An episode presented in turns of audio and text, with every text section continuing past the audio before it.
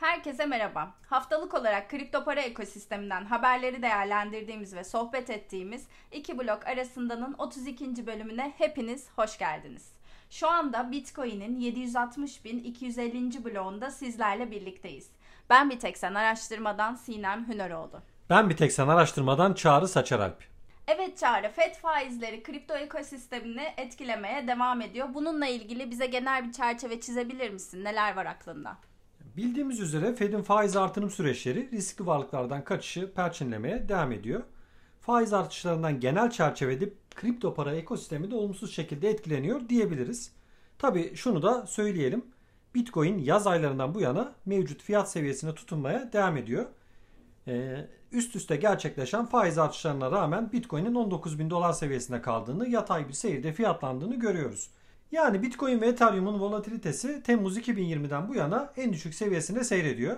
Özetle diyebiliriz ki Bitcoin güçlenen ABD dolarına karşı artan bir direnç gösteriyor Sinem. Charlie seni destekler mahiyette ben de şunları ekleyebilirim. Ee, Bloomberg MT e, stratejisti Mike McGlone bu durumu şu ifadelerle yorumlamış. Bitcoin fiyatındaki düşük volatiliteye dayalı e, olarak durdurulamaz bir olgunlaşma e, aşamasına giriyor olabilir şeklinde bir ifadede bulunmuş. E, McGlone bu söylemiyle ilerleyen süreçte Bitcoin'in altın gibi e, aslında riskten uzak bir varlık olarak daha fazla performans göstereceğini düşünüyor diyebiliriz. Yani e, tüm bu konuşmalarımızı özetleyecek olursak makroekonomik rüzgarları ve durgun bir kripto para piyasasına rağmen Bitcoin'in 2022'nin 3. çeyreğinde hisse senetlerinden ve çoğu büyük itibari para biriminden tabi dolar hariç e, tutalım bundan daha iyi bir performans göstermeye başardığını söylersek yanılmış olmayız Sinem. Bu arada e, ABD Merkez Bankası faiz kararını 2 Kasım'da açıklayacak. Bunu da hatırlatmış olalım tekrar. Fed'in Kasım ayında 75 bas puanlık ek bir faiz artışı yapmasına kesin gözüyle bakılıyor. The Wall Street Journal gazetesine yayımlanan bir haber acaba dedirtti. Acaba Fed faiz oranlarını düşürmeye mi başlayacak sorusu gündeme geldi Sinem. The Wall Street Journal gazetesi önemli bir kaynak. E, FED piyasalara bir mesaj vermek istiyorsa aslında bu yayın organını kullanıyor diyebiliriz.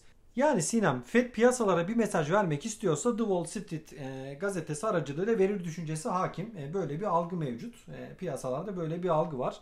Yani FED gazeteyi bilgi sızdırıyor dersek yanlış bir şey söylemiş olmayız. Gazeteye göre FED üyeleri faiz artışını yavaşlatmayı konuşuyormuş. E, sen bahset istersen detaylardan. Evet Çağrı ben biraz detaylardan bahsedeyim.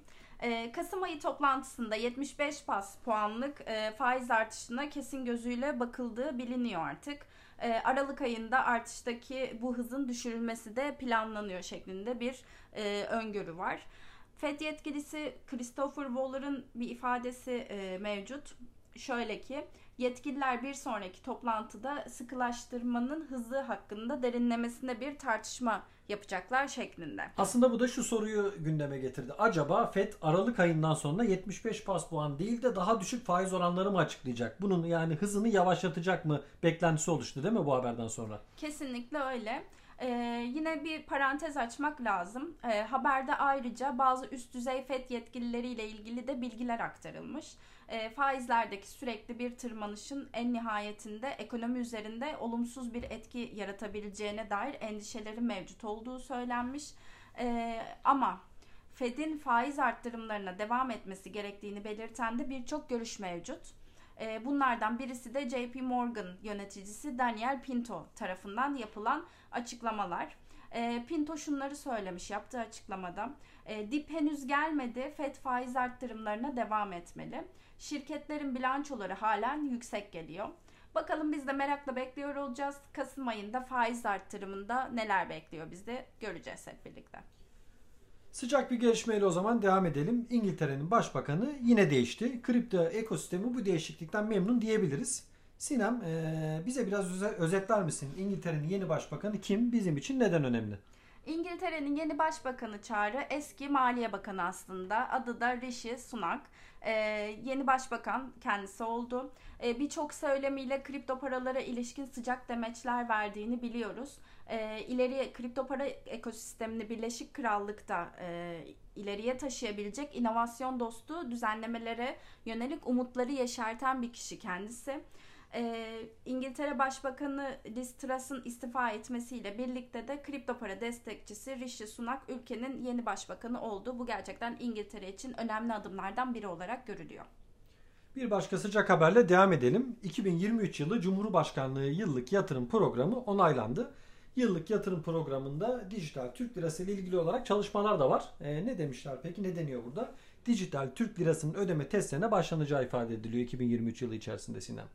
Evet onun yanında şunu da hatırlatmak lazım. Geçtiğimiz Eylül ayında e, Türkiye Cumhuriyeti Merkez Bankası Başkanı Şahap Kavcıoğlu e, Merkez Bankası dijital para birimi yani kısaltılmış adıyla CBDC e, kullanım olanakları üzerinde çalışılmasının çok gerçek e, çok önemli olduğunu ifade etmişti.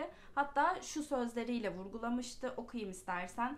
E, ülkeler arası ticarette milli para birimlerinin kullanılmasının teşvik edilmesi ve CBDC kullanım olanakları üzerinde çalışılması bu konuda dikkate değer alınması gereken iki önemli husustur şeklinde. E, gerçekten Türkiye'de e, bu konularla ilgili blok zincir teknolojisi olsun, e, Merkez Bankası dijital para birimi üzerinde yapılan çalışmalar olsun ya da kripto para ile alakalı düzenlemeler olsun ciddi adımlar atılıyor ya da çalışmalar yapılıyor diyebiliriz.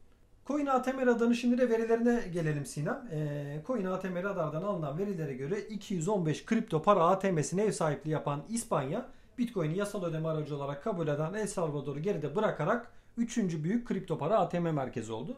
İlk sırada hangi ülke vardı onu hatırlatalım. İlk sırada 33.779'da en fazla Bitcoin ATM'sine sahip olan ülke ABD.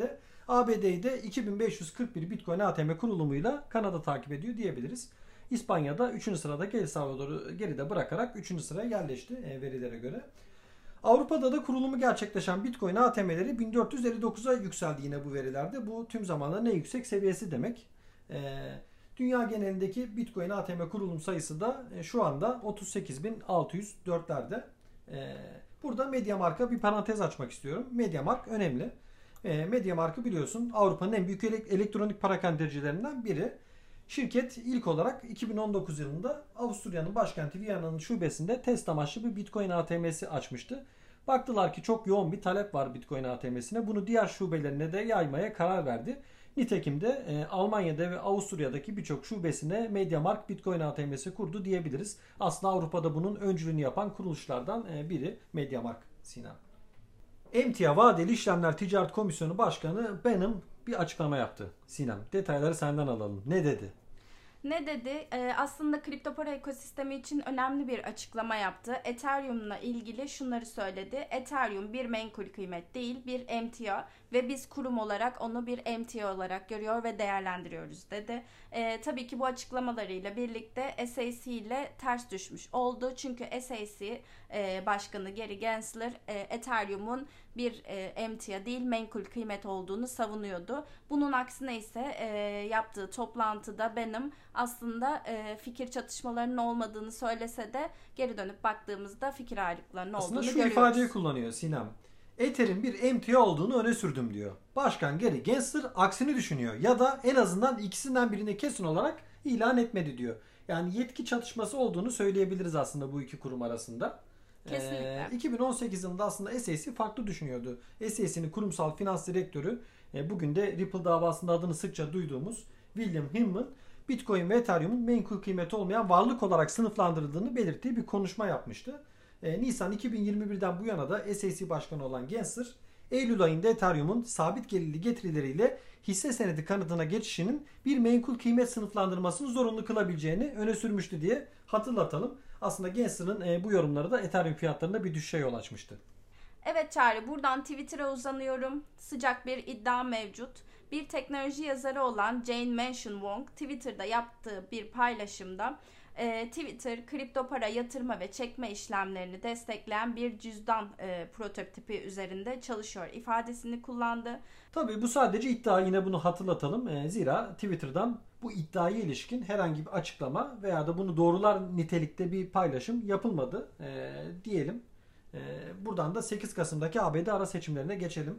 Son haberimiz de bu olsun Sinan. Kripto para yanlısı siyasi eylem komiteleri mevcut Sinan. Bunlar çeşitli bağışlar alıyorlar. Kripto para ekosistemini destekleyen kuruluşlardan, şahıslardan yüksek miktarda bağışlar alıyorlar. Bu gruplar ne yapacak? hem Cumhuriyetçi hem de Demokrat Partilerin kongre adaylarının TV reklamları için ödeme yapmak istediklerini belirtiyorlar. Yani bu kripto para yanlısı, e, kripto para yanlısı siyasi eylem komitelerinin hem Cumhuriyetçi adayları destekleyenleri var hem de Demokrat adayları destekleyenleri var. Hangi adayları destekleyeceklerine halen karar verme sürecindeler. Ama şunu biliyoruz. 8 Kasım'daki ara seçimlerden birkaç gün önce Kaliforniya, Colorado, Oregon ve Texas'taki kampanyalardan başlayarak reklamları yayınlamaya başlayacaklar. Kripto para yanlısı siyasi eylem komitelerinden e, Crypto Innovation'ın Cumhuriyetçileri desteklediği belirtiliyor. E, Web3 Forward'ın da Demokratları desteklediği belirtiliyor. E, bunu da söyledikten sonra programımızı kapatabiliriz. İki blok arasındanın bu haftaki bölümünün sonuna geldik. Bitcoin'in 760.251. bloğunda sizlere veda ediyoruz. Haftaya görüşmek üzere, hoşçakalın.